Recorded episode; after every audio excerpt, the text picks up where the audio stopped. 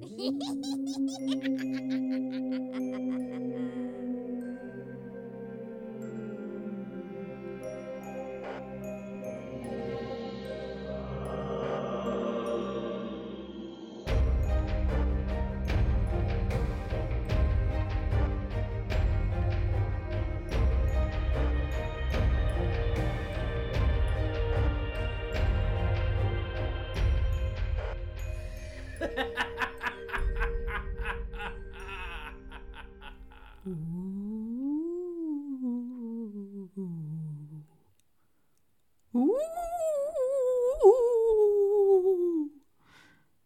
er draugurinn sem er í kjallarunum hjá Sjóel. En verði hjartanlega velkomin í þennan auka þátt af Varúð. Ég heiti Birta Dögg Bessadóttir og ég mun vera með ykkur í dag. Það er Spooky Season. Spooky, spooky. Sem að því er náttúrulega bara eitt að ég og mörg önnur Crime podcast ætlum að gefa út auka efni. Já, þið heyrðu rétt. Þetta er fyrsti þátturinn á vonandi nokkrum í viðbót sem ég ætla að gefa út aukalega í oktober. Hvernig fannst ykkur annars stefi mitt? Hmm. Fyrir tækni heftamannisku eins og mig þá finnst mér ég bara að hafa staðið mig anskutu vel. En uh, ég ætla nú ekki að hafa þetta eitthvað rosalega langt svo þið fá nú ekki alveg ógeð af mér en við skulum bara henda okkur beint í þennan stutta auka þátt. Á heitum sumardegi í júli árið 1954 lendi flúvél á Haneda flúvéllinum í Japan. Flestir farþegarnir voru japanskir ferðamenn að koma heim. En einn og einn hvítur einstaklingur skaut upp kollinum í mannþrönginni. Einn einstaklingurinn var evróskur maður með skegg. Hann var með svarta leður skjálatösku, fínt klættur með mismunandi gjaldmiðla, svo sem evrur og svisnænska franka. Hann barst með strömmnum að tollþjónustunni og fór í röðina eins og allir hinnir. Maðurinn rétti tollverðinum vegabriði sitt sem að leita út fyrir að vera mikið notað. Þegar að tollverðurinn ætlaði að stimpla það, tók hann eftir svo litlu skrýtnu. Í vegabrifinu stóð að maðurinn væri frá landi sem að hétt Torred, skrifað T-A-U-R-E-D, Torred. Tollverðurinn vissi ekki alveg hvað hann ætti að gera. Vegabrifið leiti ekki út fyrir að vera falsað og það voru margir stimplar í vegabrefinu, allstaðar úr heiminum, meðal annars frá Japan. Maðurinn frá Torrid talaði frönsku sem móðurmál, en talaði samt einnig reip rennandi japansku á samt öðrum tungumálum. Verðinir á flúvillinum tóku mannin því í yfirheyslu. Þau heldur kannski að maðurinn væri njósnari að reyna að smigla sér inn í landið. Maðurinn skildi ekkert í þessum tollverðum. Hann sagðist vera að ferðast vegna vinnunar. Hann hefði komið þrís og sinnum á þessu sama ári til Japans og það hefði aldrei verið neitt vesen fyrr en núna. Tollverðinir sögðu þá manninum að það væri ekki til neitt land sem að hétti Torred.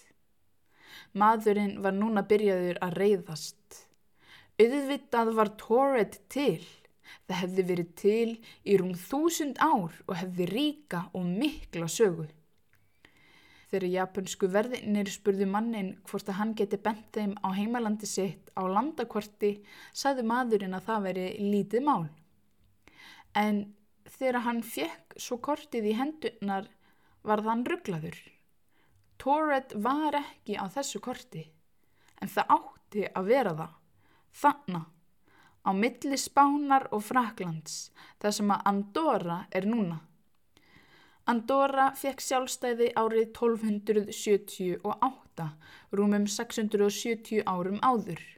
Opinbera tungumálið í Andorra er katalónska og maðurinn hafði aldrei séð ég heyrt um land sem er hétt Andorra þannig að það hefði ekki geta verið sama land. Þar auki var þjóðarmál Torret franska. Maðurinn rétti þá verðunum nafnspjald og sagði að þetta veri fyrirtækið sem að hann vann fyrir. Hann sagði að fyrirtækið væri alþjóðlegt og hefði haft viðskipta sambönd við Japan í að minnstakosti tíu ár. Þegar verðinir leituðu upp í fyrirtækinu sem að hann sagðist vinna fyrir, þá var það ekki til. Maðurinn gaf þó upp hótelið sem að hann átti pantað herbergi hjá, en það var sama sagan. Engin frá Torred hefði pantað herbergi hjá þeim. Hann var með aukurskirtinni sem hefði verið gefið út af fyrirtæki sem að var ekki til og ávísun frá banka sem að var ekki til neinstadar í heiminum. En maðurinn gaf sig ekki. Hann hjælt því statt og stöðugt að hann væri frá Torred, en verðinir voru ekki sannferðir. Eftir átta klukkutíma komist verðinir að þeirri niðurstöðu að vegabrefið væri ólögumætt. En það sem að það var ekki hægt að senda hann aftur tilbaka til lands sem að var ekki til, var honum komið fyrir á hótelinu fyrir ofan flúvillin. Þar átti hann að sofa yfir nóttina og svo yrði yfirheyrslum haldið áfram dægin eftir. Til þess að vera vissum að maðurinn myndi ekki reyna að sleppa eða hlaupa í burtu voru tveir verðir settir fyrir utan hörðina hans. Engin kom út eða fór inn í herbergið. En daginn eftir var maðurinn horfinn. Það var hvorki tangur nýtt tetur af manninum í herberginu. Eina leiðin út úr herberginu fyrir utan dyrnar var glöggi. En þessum að herbergið var staðsett á sjöttu hæð hefði það verið ómögulegt fyrir mannin að fara út um hann án þess að deyja. Það hefur enginn séð eða heyrt af manninum síðan. Þessi saga hefur valdið mörgum hugarangri í mörg ár. Sumir halda að hann hafi verið njósnari, aðrir halda að hann hafi verið glæpamaður að reyna að smigla sér inn til Japans. En það sem að flestir halda er miklu skrýtnara. Flestir halda því fram að maðurinn hafi komið úr annari vít og annari tímalínu. Ég ætla að reyna að útskýra þetta eins vel og ég get. Ég er ekki eitthvað rosalega mikið conspiracy theorist. Ég hef ekki mikið pælt í vítum og tímalínum áður en ég fór í þetta en ég ætla að reyna mitt besta. Ef við ímyndum okkur að tímalína sé ein bein lína þá erum við í okkar vitt og á okkar tímalínu. Hins vegar ef það eru til margar vittir og margar tímalínur er möguleiki á að þessar tímalínur séu allt öðruvísi. Til dæmis að nazistannir hafðu sigrað í segni heimstyrjöldinni eða að Trump hefði aldrei fæðst. Mikið verð ég til ég að vera þeirri tímalínu.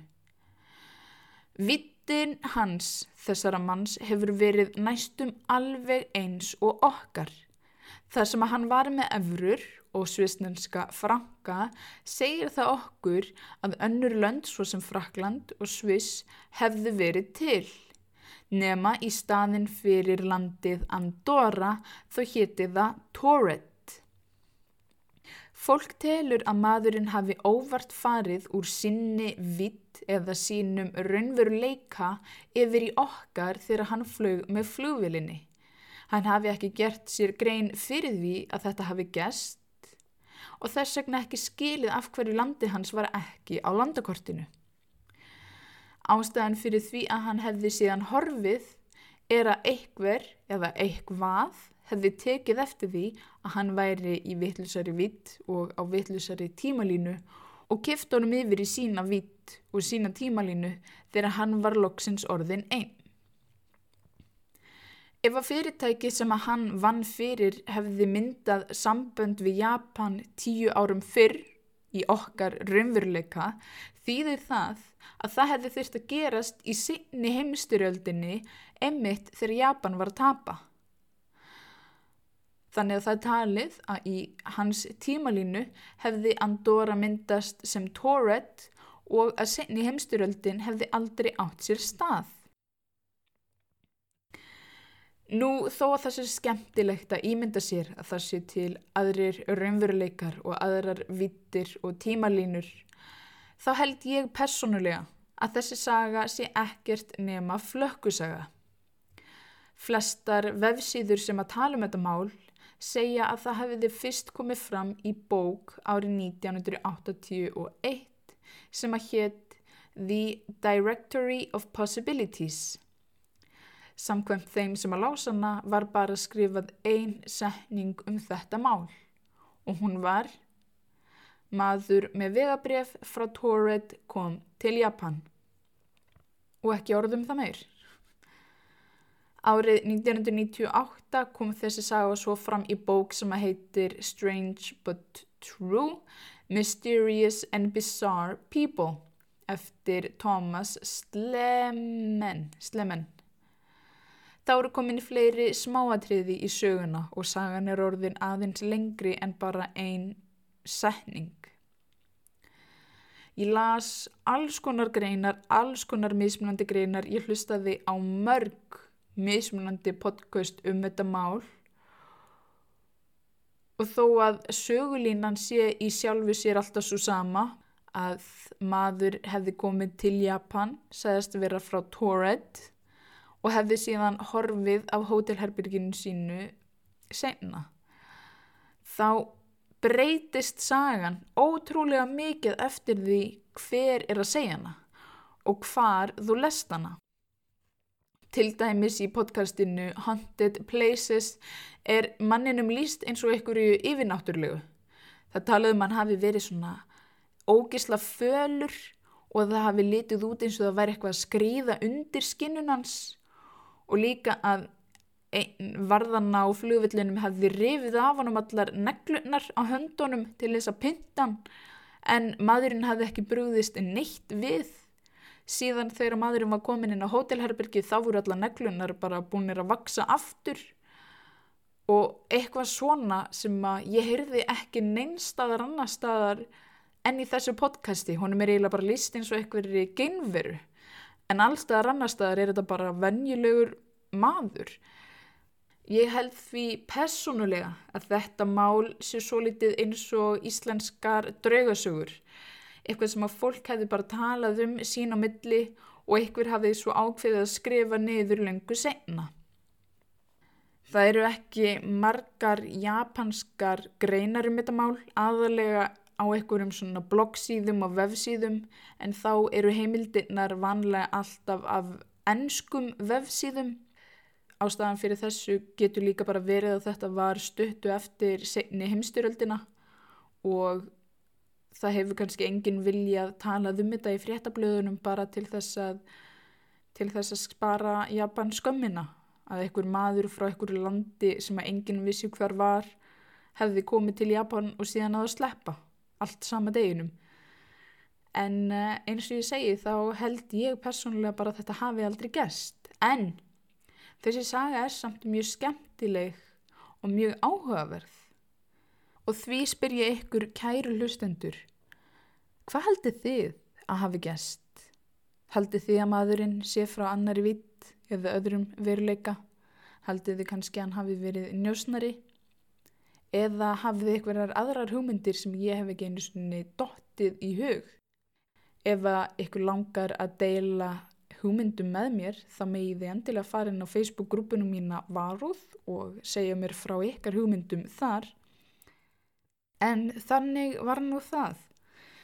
Þetta var bara svona stutt og laggótt aðeins auka þáttur. Ég vonaði að hafi bara notið þess að, að hlusta á mig hérna í dag. Smá svona conspiracy-legt eitthvað megin en ég ætla bara að þakka ykkur fyrir að hlusta og vera hérna með mér í dag. Og þanga til næst þá segi ég bara knús í hús. Bye.